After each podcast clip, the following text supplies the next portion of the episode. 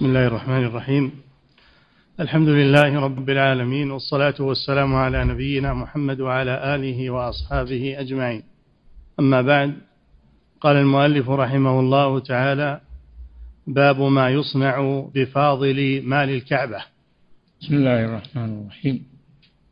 الحمد لله الصلاة والسلام على رسول الله وعلى آله وأصحابه أجمعين. قال رحمه الله باب ما يصنع بفاضل مال الكعبة.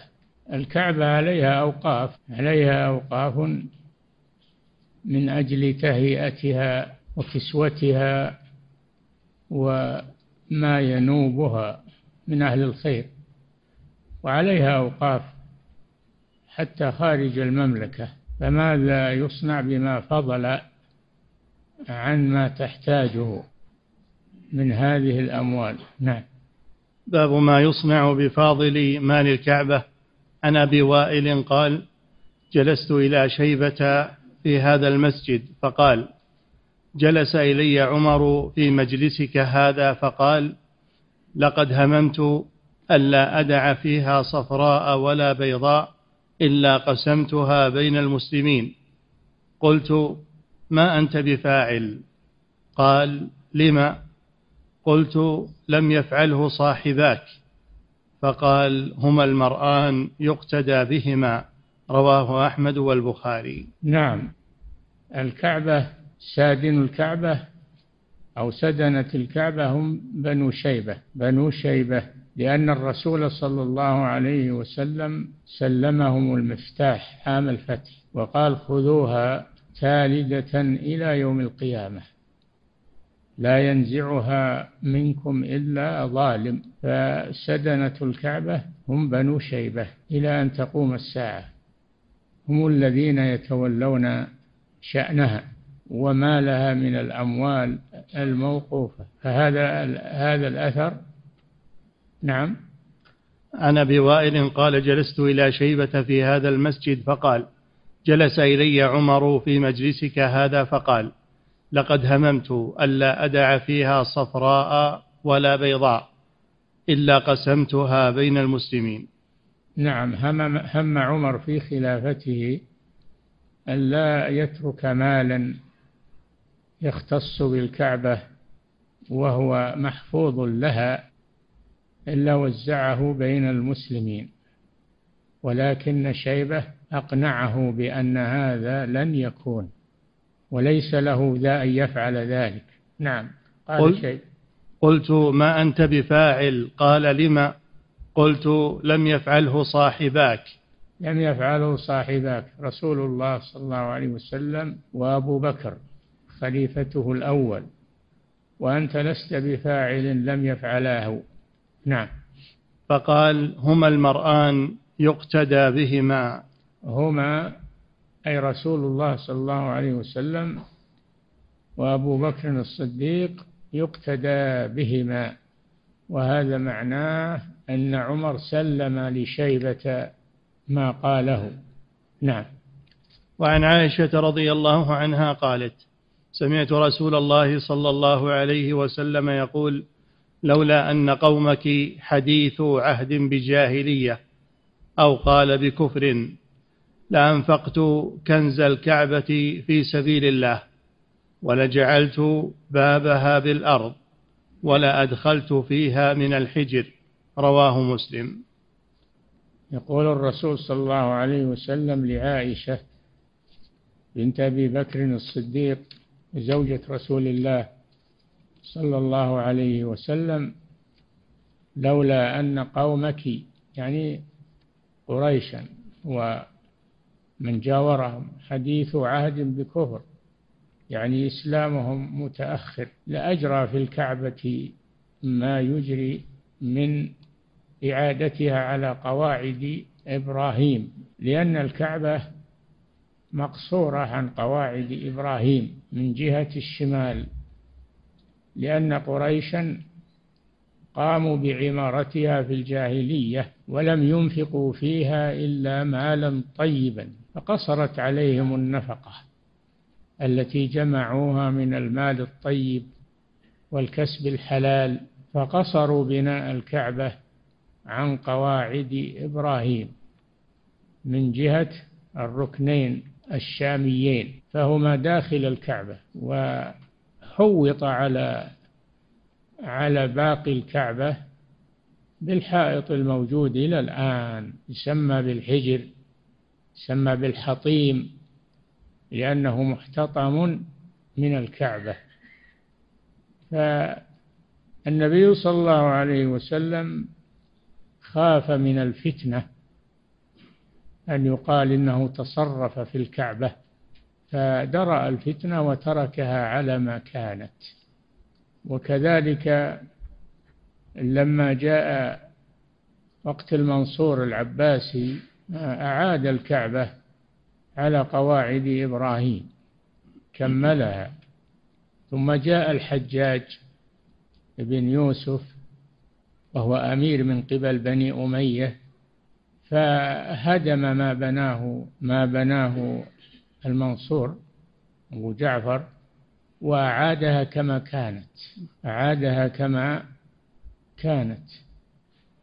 فأراد أبو جعفر المنصور أن يعيدها على قواعد إبراهيم فمنعه مالك بن أنس الإمام مالك منعه من ذلك وقال لئلا تكون الكعبة ألعوبة في يد الأمراء فبقيت على ما كانت. نعم. لولا أن قومك حديث عهد بجاهلية أو قال بكفر لأنفقت كنز الكعبة في سبيل الله. نعم. ولجعلت بابها فيه بالأرض. درء المفاسد.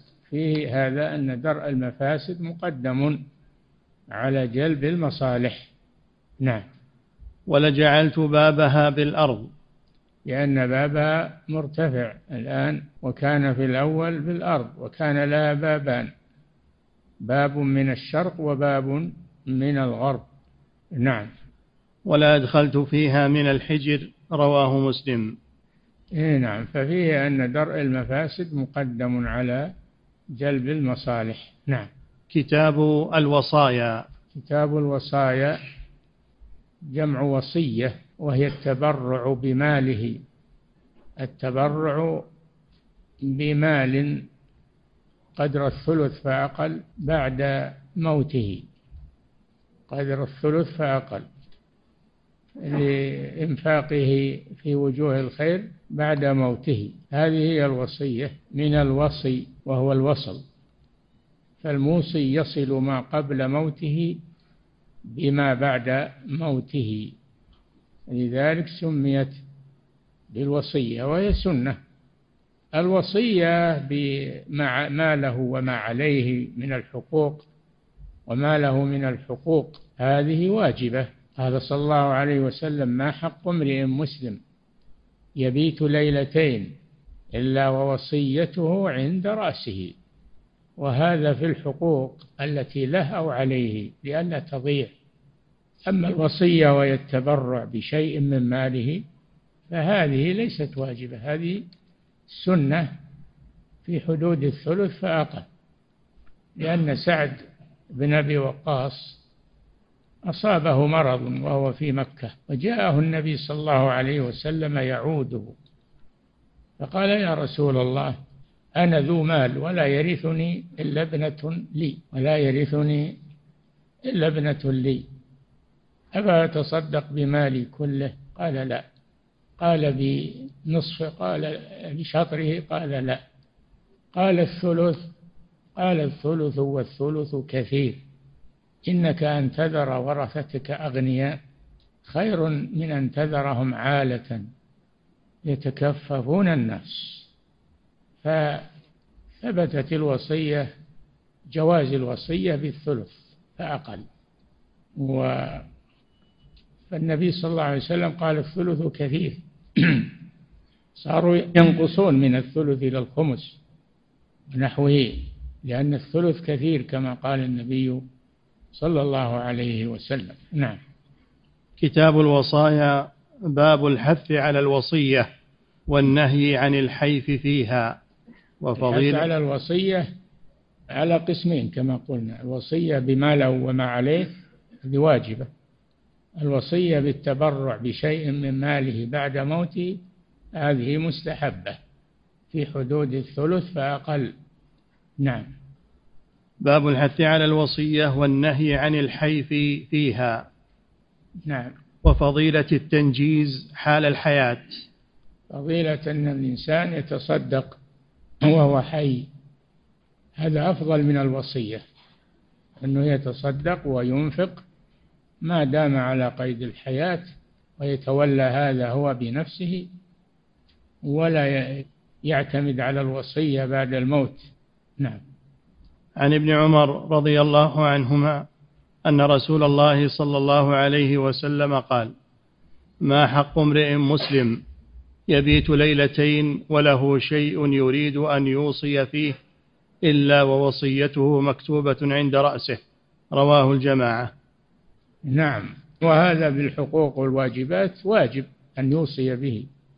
وأما التبرع فهذا مستحب وليس بواجب وترك المال للورثة أفضل له من أن يحبس شيئا عنهم. إنك أن تذر ورثتك أغنياء خير لك من أن تذرهم عالة يتكففون الناس. فدل على أن المسلم يؤجر على الميراث. الذي يورثه لأقاربه يؤجر عليه وهو أفضل من الوصية. نعم. ما حق امرئ مسلم يبيت ليلتين وله شيء يريد أن يوصي فيه؟ وهذا فيه الحث على تقصير الأمل. تقصير الأمل أن المسلم يتوقع الموت في كل لحظة وفي كل وقت ولا يمدد أمله إلى المستقبل ويقول بعد بعدين بعدين أتصرف وأوصي ما يصلح هذا. نعم. إلا ووصيته مكتوبة عند رأسه رواه الجماعة واحتج به من يعمل بالخط إذا عرف. احتج بهذا الحديث من يعمل بالخط لأن الرسول صلى الله عليه وسلم يقول مكتوبة. وصيته مكتوبة فدل على أنه يعمل بالخط إذا عرف. نعم. وعن أبي هريرة رضي الله عنه قال جاء رجل فقال يا رسول الله أي الصدقة أفضل أو أعظم أجرا؟ فقال أما وأبيك لتنبأن أن تصدق وأنت شحيح صحيح تخشى الفقر وتأمل البقاء ولا تمهل حتى إذا بلغت الحلقوم قلت لفلان كذا ولفلان كذا وقد كان لفلان. رواه الجماعة إلا الترمذي.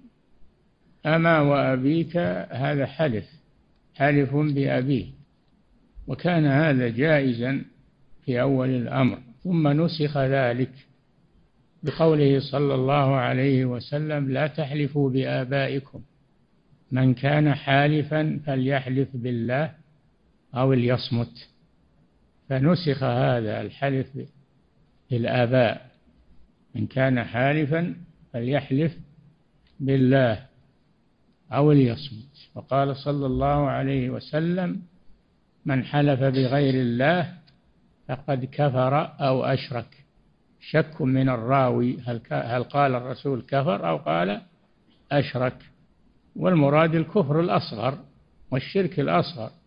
مراد كفر أو أشرك يعني الشرك الأصغر أو الكفر الأصغر وليس الذي يخرج من الملة فالحلف بغير الله محرم وهو شرك إلا أنه شرك أصغر. نعم. أما وأبيك لتنبأن أن تصدق وأنت شحيح صحيح.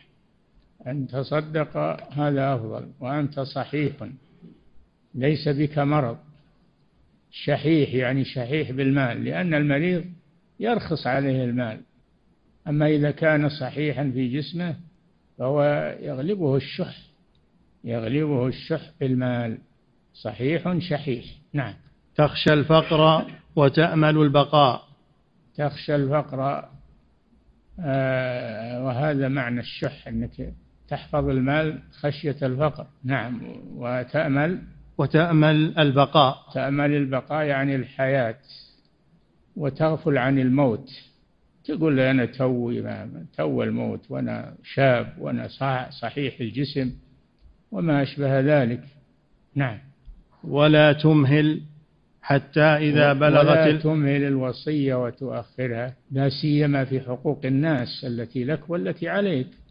حتى إذا بلغت الحلقوم يعني الروح بالنزع تنزع الروح حتى تبلغ الحلقوم. إذا بلغت الحلقوم وأنتم حينئذ تنظرون ونحن أقرب إليه منكم ولكن لا تبصرون. فالله جل وعلا أخبر أن الروح تبلغ الحلقوم وهي الغرغرة. والغرغرة إذا بلغت الروح الحلقوم والغرغرة لا تقبل التوبة ممن تاب ولا يقبل الإقرار أيضا لا يقبل إقراره بمال أو ما أشبه ذلك. محجورا عليه في هذه الحالة لأجل الورثة. نعم. ولا تمهل حتى إذا بلغت الحلقوم قلت لفلان كذا ولفلان كذا وقد كان لفلان. إي نعم بادر بما بالوصية بمالك وما عليك وأنت في حال الصحة ولا تستبعد الموت. نعم. وعن أبي هريرة رضي الله عنه عن رسول الله صلى الله عليه وسلم قال إن الرجل ليعمل أو المرأة بطاعة الله ستين سنة ثم يحضرهما الموت فيضاران في الوصية فيجب لهما النار. ثم قرأ أبو هريرة من بعد وصية يوصى بها أو دين غير مضار وصية من الله. إلى قوله ذلك الفوز العظيم رواه أبو داود والترمذي ولأحمد وابن ماجه معناه وقال فيه سبعين سنة. أعد. وعن أبي هريرة رضي الله عنه عن رسول الله صلى الله عليه وسلم قال إن الرجل ليعمل أو المرأة بطاعة الله ستين سنة ثم يحضرهما الموت فيضاران في الوصية فيجب لهما النار. نعم هذا في وجوب العدل في الوصية. لا يحيف في الوصية عما شرع الله له. الله شرع له الوصية بالثلث فأقل وأقل من الثلث هذا أفضل من الثلث. فلا يضار في الوصية يضار الورثة. فإذا ضار الورثة وجبت له النار. وهذا وعيد هذا وعيد شديد أن الإنسان لا يحيف في الوصية وإنما يوصي بما شرعه الله سبحانه وتعالى ولا يوصي لأحد بمال آه، ودين وهو غير صحيح. من باب الإلجاء لا يجوز هذا. المال المال لك ثم من بعدك لوراثتك فإذا حضر الموت علاماته يحجر على الإنسان. يحجر على الإنسان لحظ الورثة. ولا يقول هذا مالي وهذا. خلاص انتهى انتهى تملكك لهذا المال وتصرفك فيه. هذا وقت صحتك. والآن المال على وشك ينتقل لغيرك. فيحجر عليه في هذه الحالة. ولا يقبل منه إقرار. ولا يقبل منه وصية زائدة على الثلث. نعم. رسول الله صلى الله عليه وسلم قال إن الرجل ليعمل أو المرأة بطاعة الله ستين سنة ثم يحضرهما الموت فيضاران في الوصية فيجب لهما النار. هذا وعيد شديد. إذا ضار الورثة بالوصية ما يقول هذا مالي لا الآن مالك ينتقل للورثة. ولك الأجر في ذلك. أنت تريد الأجر لك الأجر فيما ورثته لهما. الأجر حاصل. والجور في الوصية ظلم. ظلم للورثة. والظلم لا يجوز. نعم. فيضاران في الوصية فيجب لهما النار. ثم قرأ أبو هذا وعيد. وعيد شديد. نعم. ثم قرأ أبو هريرة من بعد وصية يوصى بها أو دين غير مضار أبو هريرة دليلا من القرآن. فقال نعم. من بعد وصية فقال لما ذكر المواريث قال من بعد وصية يوصى بها أو دين. فقدم الوصية على الدين مع أن الرسول صلى الله عليه وسلم قضى بالدين قبل الوصية. هذا من باب التأكيد لا من باب العمل. فلا يقدم الوصية على الدين. الحقوق المتعلقة بعين التركة منها الوصية ومنها الميراث. فيقدم منها الوصية ومنها الدين ومنها الميراث. فيقدم يقدم الدين أول شيء. الدين الذي على الميت. ثم من بعده تنزع الوصية ثم من بعده يأتي الميراث. الحقوق المتعلقة بعين التركة مذكورة في كتب الفرائض في أولها. نعم. بعد وصية يوصى بها أو دين غير مضار وصية من الله إلى قوله أو دين غير مضار. يعني يعترف بدين لأجل يضايق الورثة وهو ليس صحيحا. هذه مضارة لا يجوز. نعم. وصية من الله. إلى وصية من الله. الله أوصاكم بهذا. فاعملوا بها بوصية الله سبحانه وتعالى. أوصى بقضاء الدين قبل الوصية. قضاء الدين قبل الوصية. أولا الدين ثم الوصية ثم الميراث. نعم على ما شرعه الله سبحانه وتعالى. نعم. وصية من الله إلى قوله تعالى وذلك الفوز العظيم رواه أبو داود والترمذي. وذلك الفوز العظيم لمن عمل بما أوصى بما أوصى الله به. بما أوصى الله به. له الفوز العظيم. نعم. ولأحمد وابن ماجه معناه وقال فيه سبعين سنة. يعني يعيش سبعين سنة ثم يجور في الوصية فتجب له النار. هذا وعيد شديد. نعم. باب ما جاء في كراهية مجاوزة الثلث والإيصاء للوارث. نعم. الوصية لا يجوز فيها شيئان زيادة على الثلث أو وصية لوارث. الوارث لا يوصى له.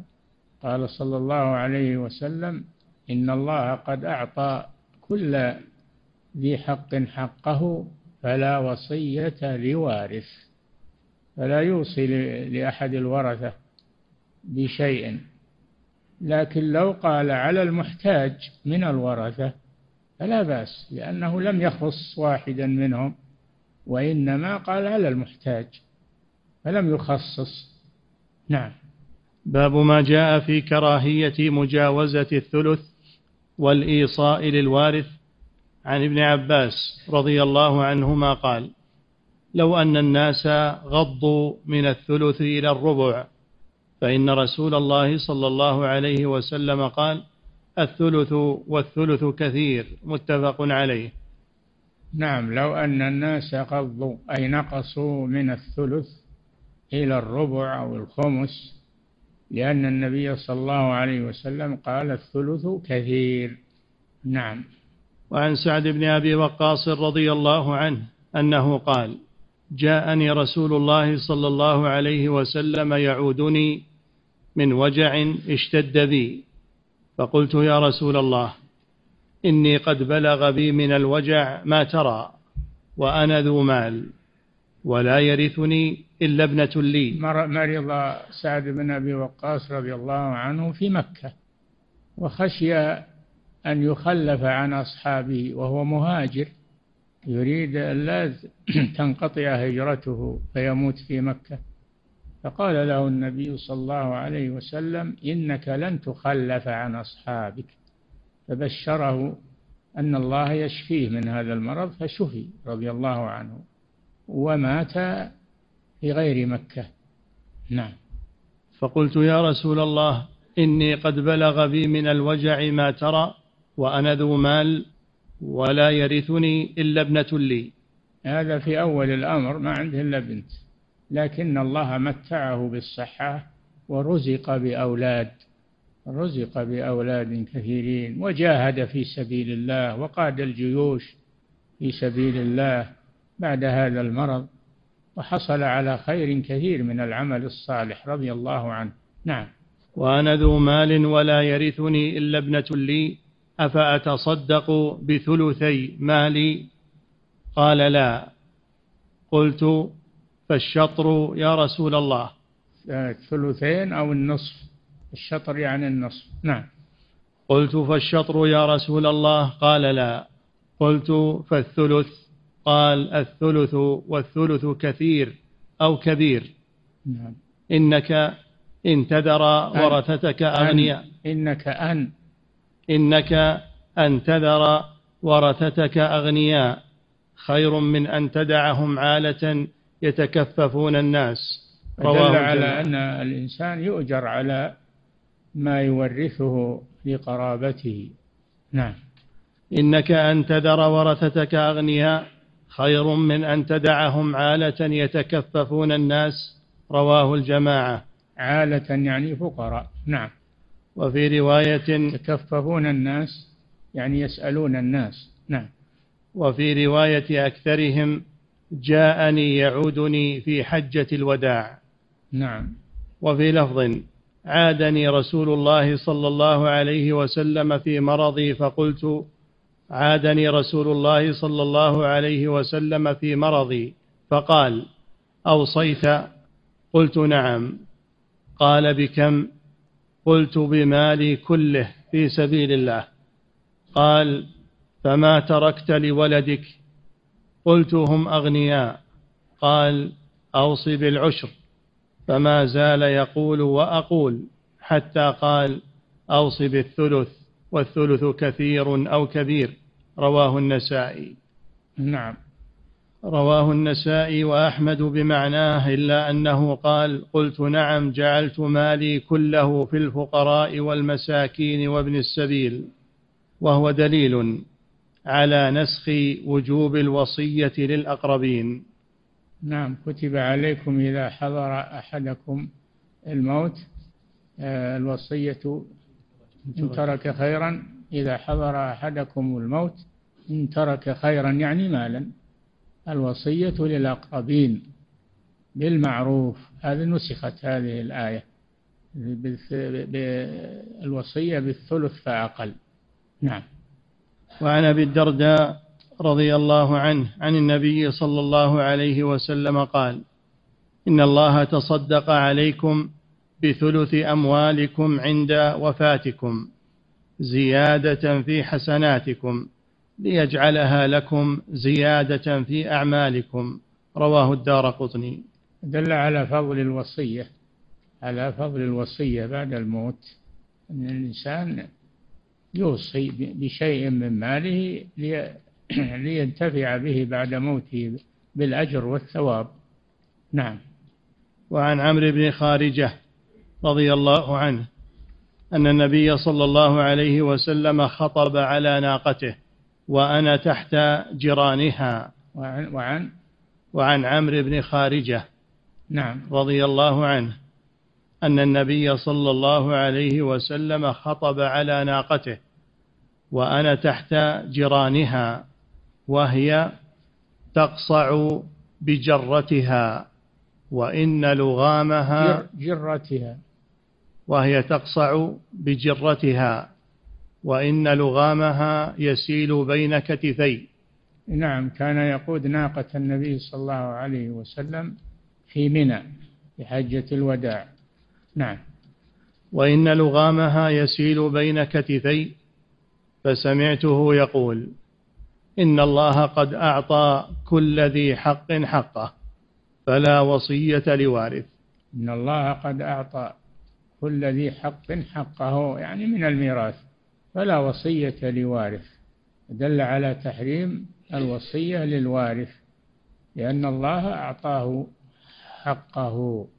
وإنما الوصية تكون لغير وارث من الفقراء والمساكين. نعم. إن الله قد أعطى كل ذي حق حقه فلا وصية لوارث. رواه الخمسة إلا أبا داود وصححه الترمذي. وعن أبي أمامة الخمسة أصحاب السنن الأربع والمسند مسند الإمام أحمد. هذا الخمسة. إلا أبا داود فإنه استثني من الأربعة. نعم. وعن أبي أمامة رضي الله عنه وعن أبي أمامة رضي الله عنه قال سمعت رسول الله صلى الله عليه وسلم يقول إن الله قد أعطى كل ذي حق حقه فلا وصية لوارث. رواه الخمسة إلا النسائي.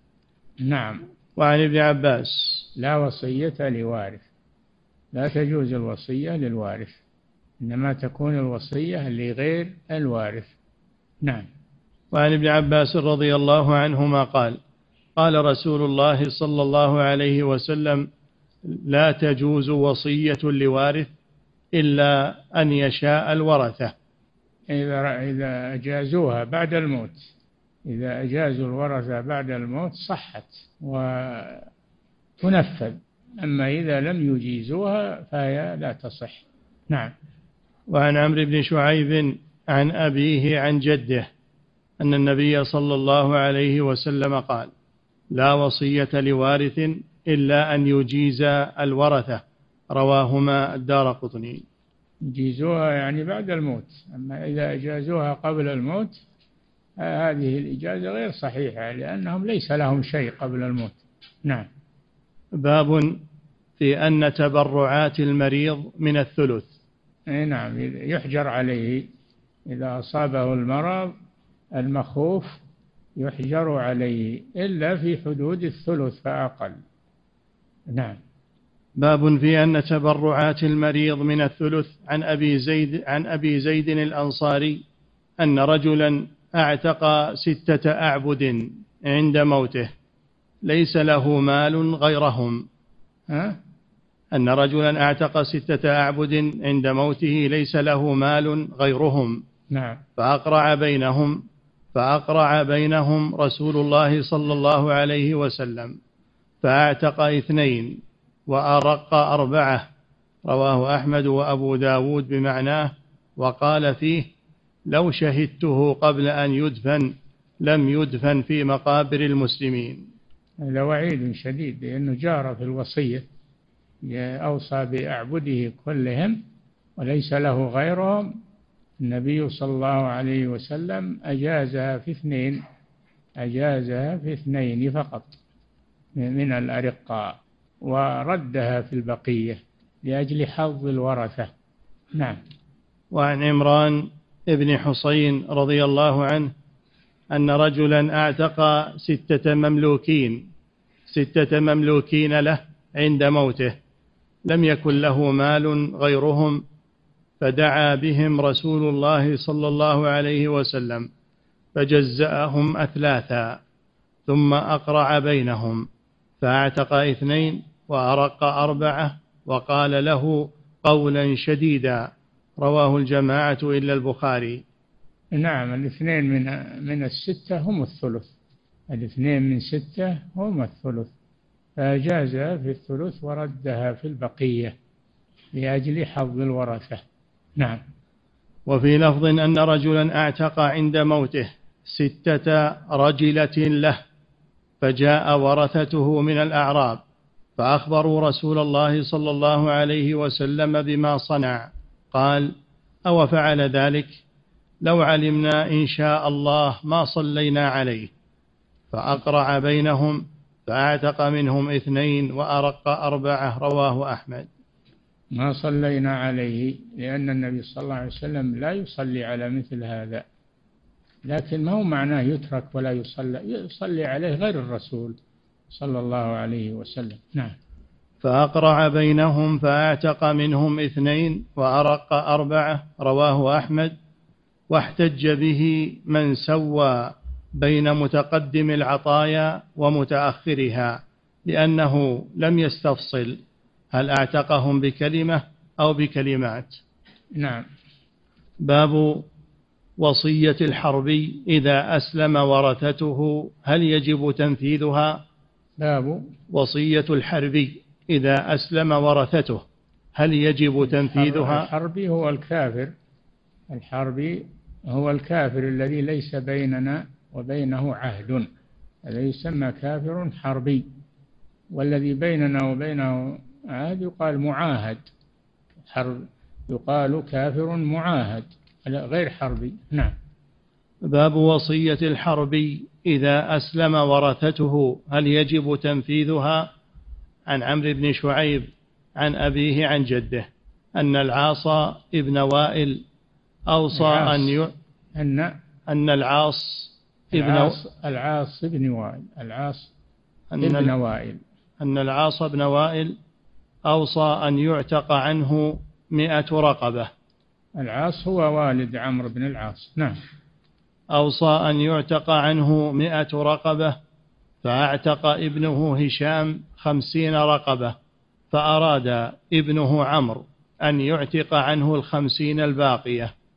فقال يا رسول الله إن أبي أوصى بعتق مئة رقبة وإن هشاما أعتق عنه خمسين رقبة وبقيت خمسون رقبة. أفأعتق عنه؟ فقال رسول الله صلى الله عليه وسلم لو كان مسلما فأعتقتم عنه أو تصدقتم عنه أو حججتم عنه بلغه ذلك. رواه أبو داود. نعم فدل على أن الوصية والحج والعمرة هذه الأعمال يصل ثوابها إلى الميت إذا فعلت عنه. تدخلها النيابة لأنها تدخلها النيابة. نعم. لو كان مسلما فأعتقتم عنه أو تصدقتم عنه أو حججتم عنه بلغه ذلك رواه أبو داود. أما غير المسلم فلا يحج عنه ولا يعتمر عنه ولا يستغفر له ولا يتصدق عنه غير المسلم لا. نعم. باب الإيصاء بما يدخله النيابة. يكفي. فضيلة الشيخ وفقكم الله هذا سائل يقول هل عبد الله ابن الزبير رضي الله عنه وأرضاه هو الذي أعاد بناء الكعبة على قواعد إبراهيم وأعادها تماما كما هي. نعم. نعم ولكن الحجاج نقضها نيابة عن بني أمية. نعم. فضيلة الشيخ وفقكم فأراد الله. فأراد الخليفة العباسي أن يبنيها على قواعد إبراهيم بعد الحجاج. المنصور أبو جعفر المنصور أراد أن يبنيها على قواعد إبراهيم بعد الحجاج فمنعه مالك بن أنس رضي الله عنه وقال لا تكون الكعبة العوبة في يد الأمراء. نعم. فبقيت على ما كانت نعم. فضيلة الشيخ وفقكم الله هذا سائل يقول هل تصح الصلاة في الحجر مع استدبار الكعبة وذلك لأنه من الكعبة؟ تصح النافلة أما الفريضة لا. الفريضة لا تصح في داخل الكعبة ومنها الحجر. أما النافلة تجوز نعم. لكن لا يستدبر الكعبة.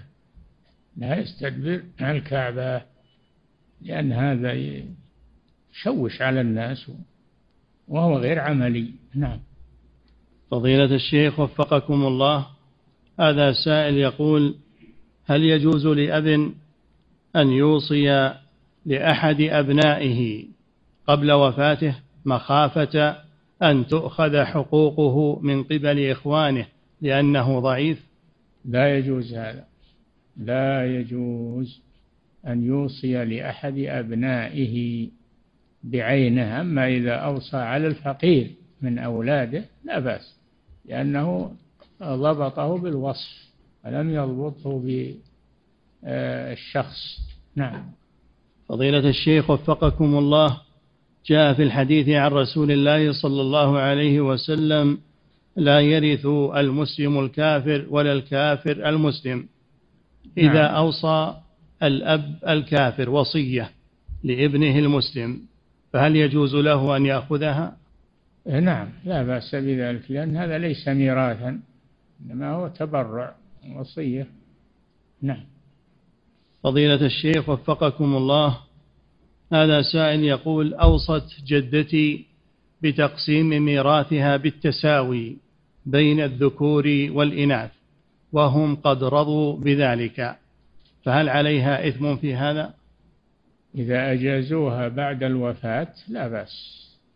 أما إجازتها قبل الوفاة لا تنفذ. نعم.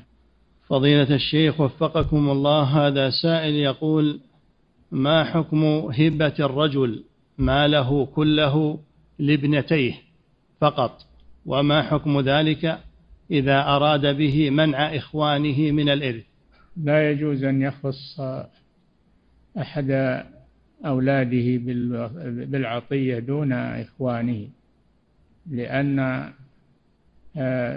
لأن عمرة بنت رواحة أوصى زوجها أوصى زوجها آه، لابنه بمملوك. أوصى زوجها لابنه لأحد أبنائه بمملوك. فقالت عمرة حتى تشهد عليه رسول الله. صلى الله عليه وسلم. فجاءوا إلى الرسول صلى الله عليه وسلم ليشهدوه على هذه العطية. قال صلى الله عليه وسلم أكل ولدك أعطيت مثل هذا؟ قال لا. قال أشهد على هذا غيري فإني لا أشهد على جور. اتقوا الله واعدلوا بين أولادكم. وفي رواية قال أترضى أن يكونوا في البر لك سواء؟ قال نعم. قال فلا إذن أشهد على هذا غيري فإني لا أشهد على جور. اتقوا الله واعدلوا بين أولادكم. نعم.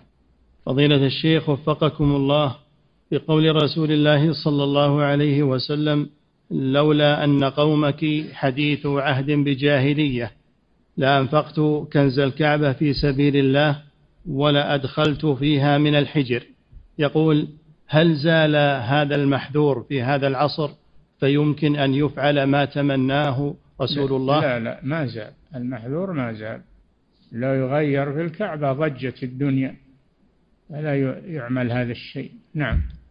فضيلة الشيخ وفقكم الله هذا سائل يقول هل صحيح أن هل صحيح أن تحت الكعبة أو حولها قبور للأنبياء؟ نسأل الله العافية. هذا كلام الخرافيين. هذا كلام الخرافيين. الكعبة لا تبنى على قبور ولا تجعل القبور في المسا في سائر المساجد فكيف بالمسجد الحرام؟ لكن هذا من كذب القبوريين. نعم. فضيلة الشيخ وفقكم الله. هذا سائل يقول ما حكم التمسح بجدران أو بثوب الكعبة. التمسح بالكعبة لا بأس به. وأما وأما التمسح بثوبها فلا فلا يصلح. نعم. فضيلة الشيخ وفقكم الله من يتساهل بالصلاة دون جحد لها أو إنكار؟ هل وصيته صحيحة؟ لا. الذي لا يصلي ليس بمسلم. إذا كان غير مسلم فلا فلا صحة لوصيته. نعم. فضيلة الشيخ وفقكم الله بعد موت الميت هل تنفذ الوصية على الفور أو على التراخي؟ لا بد من, من إلا إذا منع مانع من تنفيذها على الفور حتى يزول المانع. أما إذا لم يكن هناك مانع فتنفذ على الفور. نعم. فضيلة الشيخ وفقكم الله هذا السائل يقول إذا كان المال قليلا لا يكفي الورثة فهل تنفذ الوصية؟ فلا يحصل الورثة إلا على أقل القليل. إذا كانت في حدود الثلث فأقل تنفذ. كانت أكثر من الثلث لا إلا بإجازة الورثة لها بعد الموت. نعم. فضيلة الشيخ وفقكم الله هذا سائل يقول إذا كان صاحب المال يتحدث في حياته باستمرار عن فضل الوصية لكنه مات ولم يوصي فكيف التصرف في ذلك؟ وهل يؤخذ من ماله الثلث فيتصدق به؟ لا. إذا سمحوا هم وتبرعوا له فلا بأس. أما أن ينفذ من غير رضاهم فلا يجوز هذا. نعم. فضيلة الشيخ وفقكم الله هذا سائل يقول ما الفرق بين الوقف والوصية؟ الوقف تحبيس الأصل وتسجيل المنفعة. أما الوصية فإنها فإنها أقل من الوقف من جهة آه، يعني تنفيذها. نعم. فضيلة الشيخ وفقكم الله هذا سائل يقول لو أن رجلا كان عليه دين وأوصى قبل موته أنني إذا مت فيؤخذ من مالي ويسدد عني هذا الدين فهل هذه الوصية مشروعة؟ هذا لو ما أوصى لازم يسدد الدين. من ماله. لازم يسدد الدين من ماله قبل الوصايا وقبل الميراث. نعم. فضيلة الشيخ وفقكم الله. هذا سائل يقول هل يمكن أن يكون الحلف بغير الله من يتح هل يمكن أن يكون الحلف بغير الله شركا أكبر بدل الشرك الأصغر؟ نعم إذا عظم المخلوق مثل ما يعظم إذا عظم المحلوف به كما يعظم الله فهو شرك أكبر. نعم. فضيلة الشيخ وفقكم الله هذا سائل يقول رجل له بيت وقبل موته ذهب إلى القاضي وسجل في المحكمة أن للمرأة أن للمرأة مثل نصيب الرجل. فهل تنفذ هذه الوصية؟ دام ذهب للقاضي القاضي ينظر فيها. نعم. فضيلة الشيخ وفقكم الله في قول الرسول صلى الله عليه وسلم الثلث والثلث كثير أو كبير. هل يدل ذلك على كراهية الوصية بالثلث؟ لا. يدل على أن أقل من الثلث أفضل من الثلث. أفضل. أفضلية. نعم. فضيلة الشيخ وفقكم الله هذا سائل يقول أيهما أفضل أن يترك الرجل ماله للورثة أو أنه يوصي بالثلث؟ الأفضل أن يتركه للورثة. نعم. فضيلة الشيخ وفقكم الله. هذا سائل يقول هل المقصود بقول رسول الله صلى الله عليه وسلم لا وصية لوارث أن الوارث لا يوصى له وإن كان محجوبا عن الميراث بسبب ما؟ كان محجوبا عن الميراث وهو غير وارث فتصح الوصية له. نعم. فضيلة الشيخ وفقكم الله هذا سائل يقول مش منتشر عندنا في البلد أن الولد الذي لم يتزوج في حياة أبيه فإن أباه يوصي له بشيء من المال زيادة له عن بقية الورثة. لكي يتزوج به. لا لا هذا من النفقة التزويج من النفقة. ما دام أنه حي ويقدر على الإنفاق ينفق على ولده. وإذا كان ولده محتاجا. نعم. فضيلة الشيخ وفقكم الله. هذا سائل يقول هل يشرع للرجل أن يوقف جميع ماله على نفسه وذريته؟ وكذلك في أعمال الخير. لا يجوز أن يضار الورثة بهذا الوقف.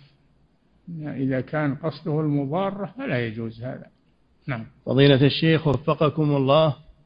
هذا سائل يقول ابن الابن إذا كان محجوبا بالابن فهل يجوز للجد أن يوصي له؟ نعم. إذا كان غير وارث فلا بأس. نعم. فضيلة الشيخ وفقكم الله هذا سائل يقول هل يمكن أن نستدل بقول رسول الله صلى الله عليه وسلم لو شهدته قبل أن يدفن لم يدفن في مقابر المسلمين أن فعله هذا من الكفر الأكبر لا هذا من باب الوعيد وليس من الكفر إنما هو من باب الوعيد والتغليظ نعم. فضيلة الشيخ وفقكم الله هذا سؤال تكرر وفقكم الله يقول بالأمس جمع عدد من الأئمة في الرياض بين المغرب والعشاء لأجل الغبار. يقول ما حكم هذا الجمع؟ وهل الصلاة وهل الجمع صحيح؟ يسألون دار الإفتاء في هذا. نعم. فضيلة الشيخ وفقكم الله هذا السائل يقول هل يصح تعبير الرؤى والرقية الشرعية من غير العالم بالدين؟ هل يجوز؟ تعبير الرؤى والرقية الشرعية من غير العالم بالدين؟ نعم يجوزان لا بأس بذلك. أو يشترط في الرقية أن يكون الراقي عالما. إذا كان مسلما ويقرأ القرآن له أن يرقي. الثانية تعبير الرؤى والرقية الشرعية. تعبير الرؤى هذه فراسة. تعبير الرؤيا هذه فراسة. يؤتيها الله من يشاء فلا بأس. نعم. فضيلة الشيخ وفقكم الله أحيانا يقول السائل أحيانا وأنا في السيارة يكون لدي بعض الوقت فهل يجوز لي أن أصلي النافلة وأومئ بالركوع والسجود مستقبلا القبلة وأنا جالس في السيارة؟ هذا في السفر يا أخي. في السفر النبي صلى الله عليه وسلم كان يتنفل على الراحلة أما إذا كنت لست في سفر لا. نعم. فضيلة الشيخ وفقكم الله. هذا سائل يقول ما حكم ترجمة القرآن أو تفسير معانيه باللغة غير العربية؟ لا يمكن هذا.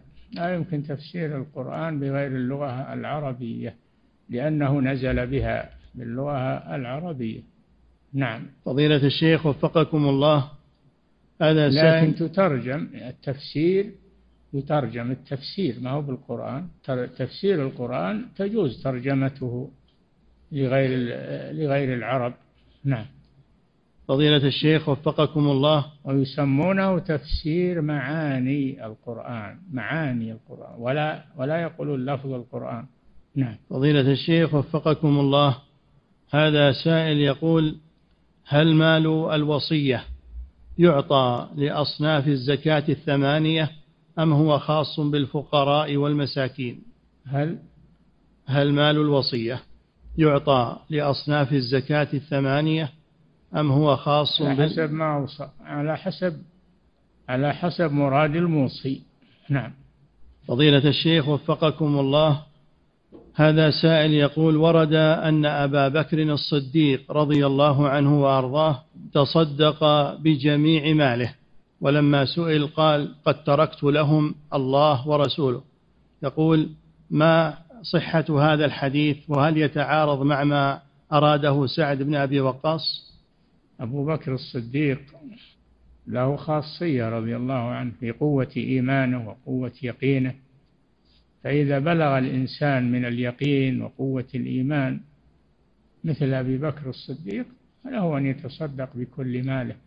نعم. فضيلة الشيخ وفقكم الله هذا سائل يقول ما القول الراجح في تحية المسجد وقت النهي؟ إنها من ذوات الأسباب والقول الراجح فيها أن ذوات الأسباب تفعل عند وجود السبب في أي وقت.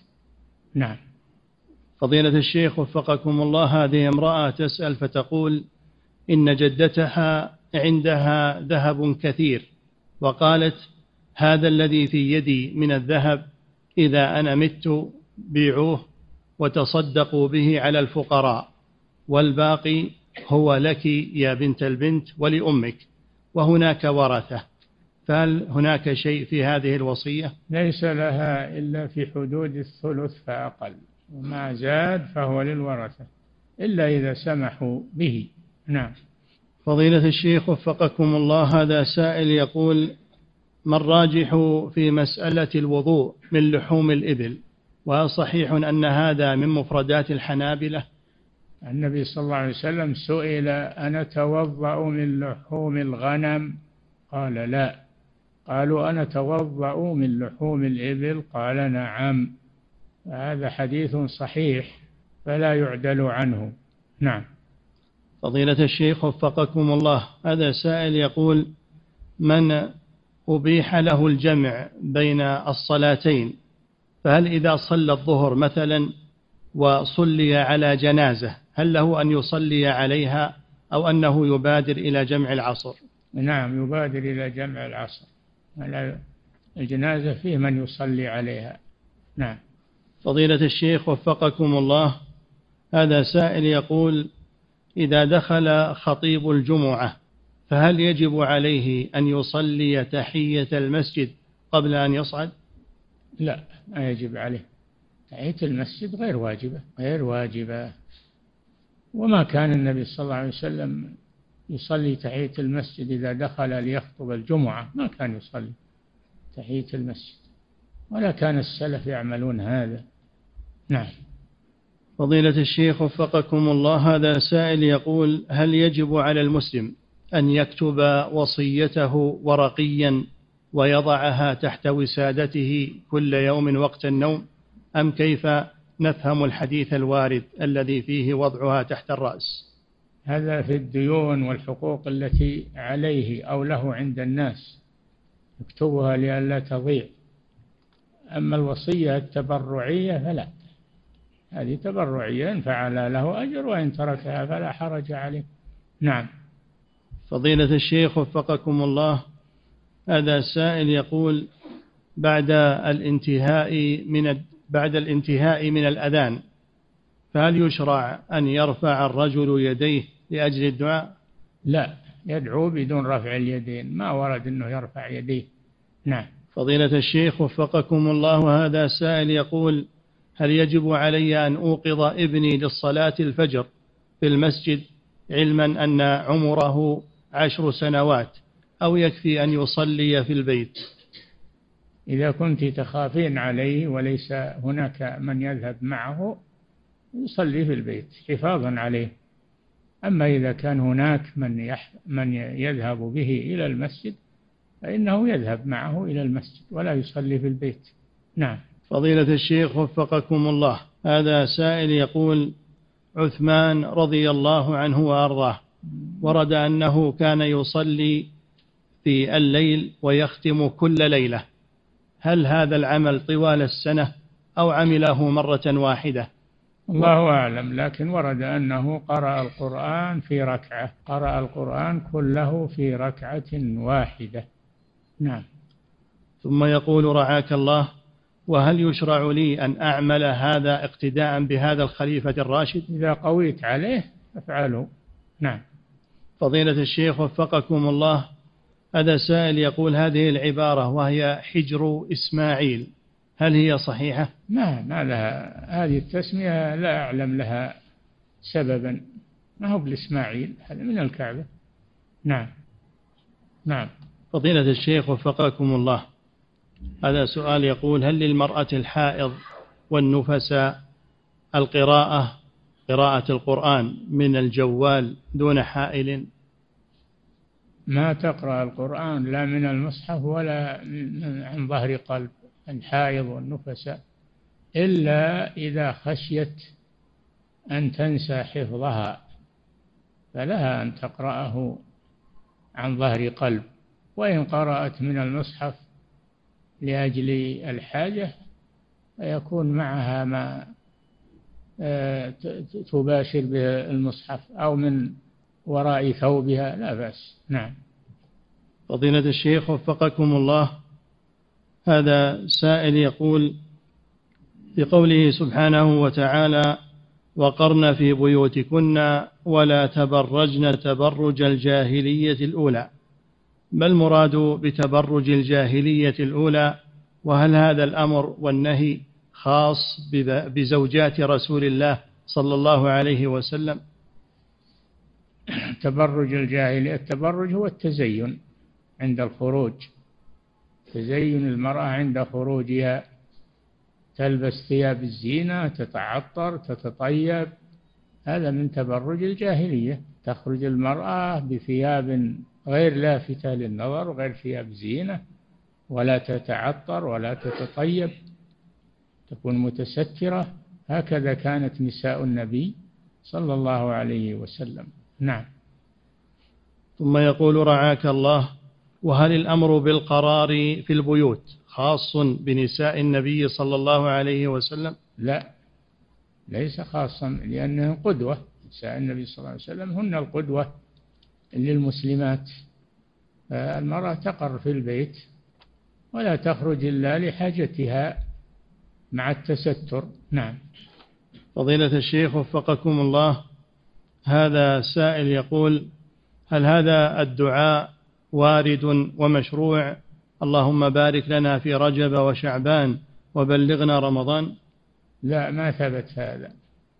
هذا ما ثبت عن الرسول صلى الله عليه وسلم. نعم. فضيلة الشيخ وفقكم الله هذا سائل من فرنسا يقول ما حكم عملي في محل كبير؟ بقالة كبيرة يقول مداخيلها مختلطة. يقول العمل في بقالة كبيرة مداخيلها مختلطة فيها الحرام وفيها الحلال.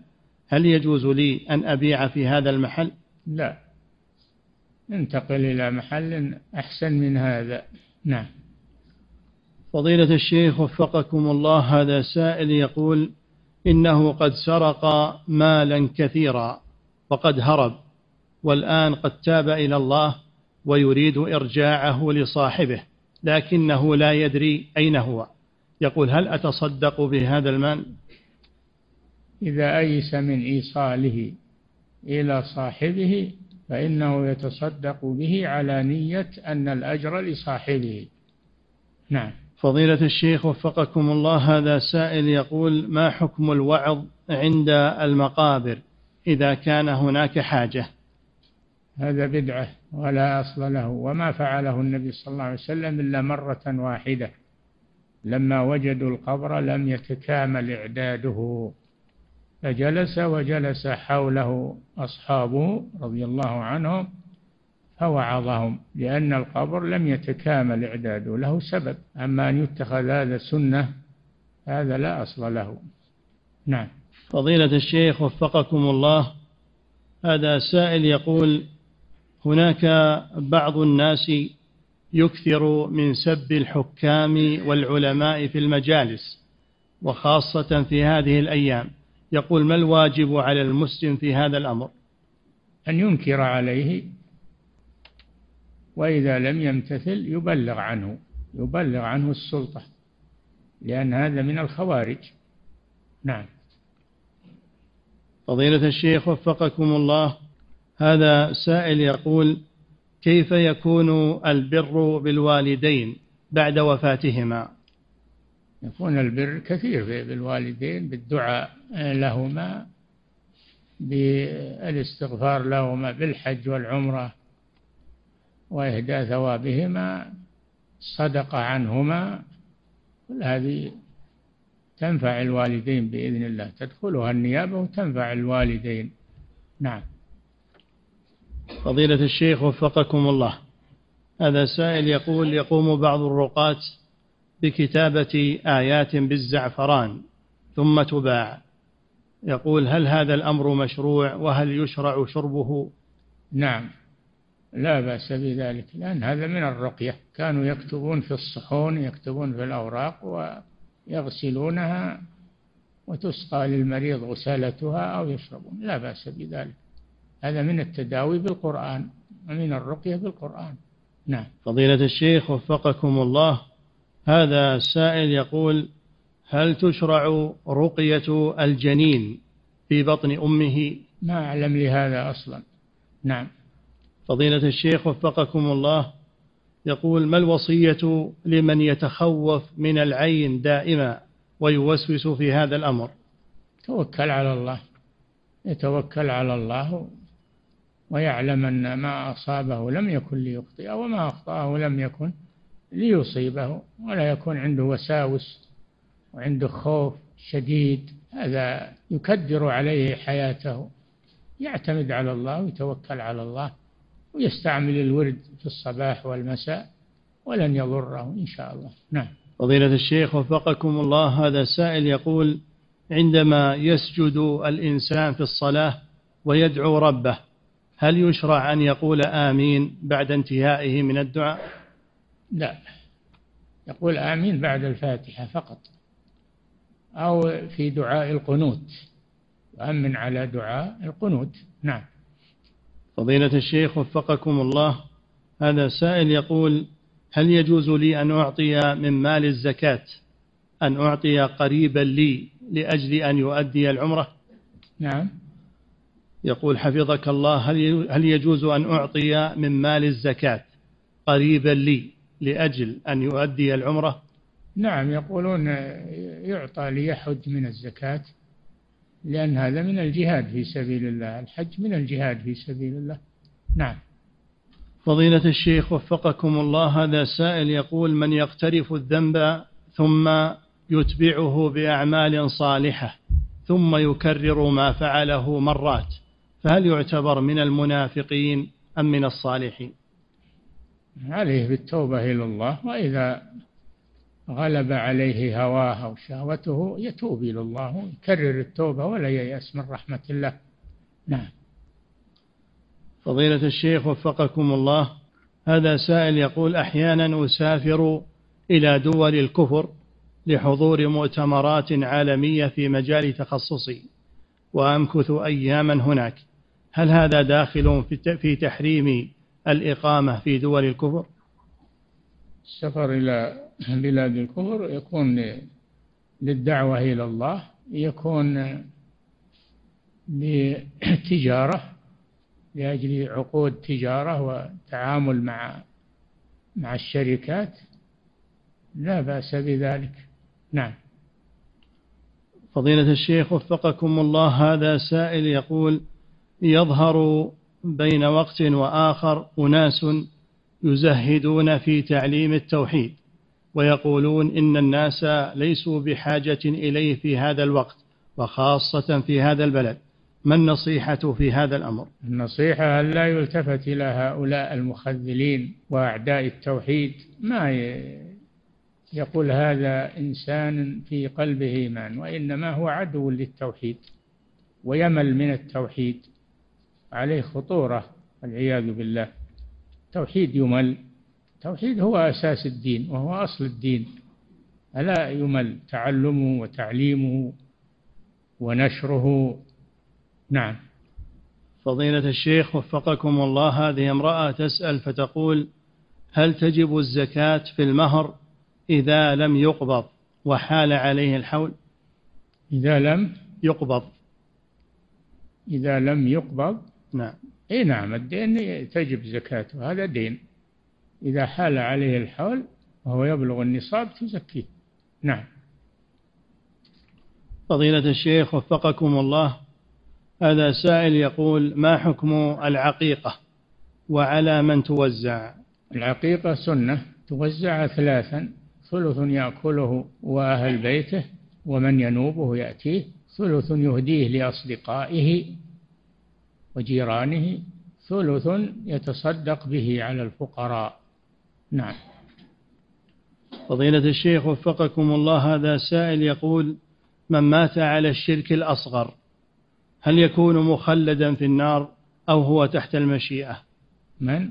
من مات على الشرك الأصغر هل هو مخلد في النار لا. أو لا. متوعد بالنار لكن قد يعفو الله عنه. وإذا دخلها فلا يخلد فيها. أصحاب الكبائر التي دون الشرك.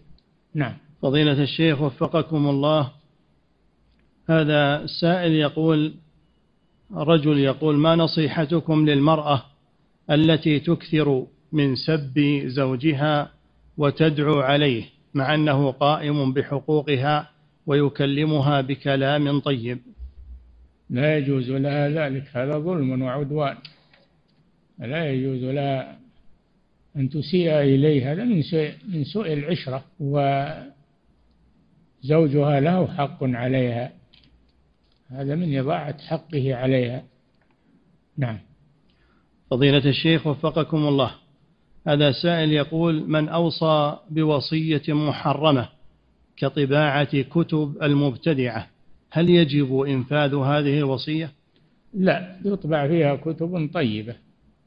تصرف في شيء طيب ولو ولو خالف آه، نص الموصي إذا كان نص الموصي محرما يغير يجعل فيه بر وفيه طاعة. نعم. انتهى وفقك والله تعالى أعلم وصلى الله وسلم على نبينا محمد.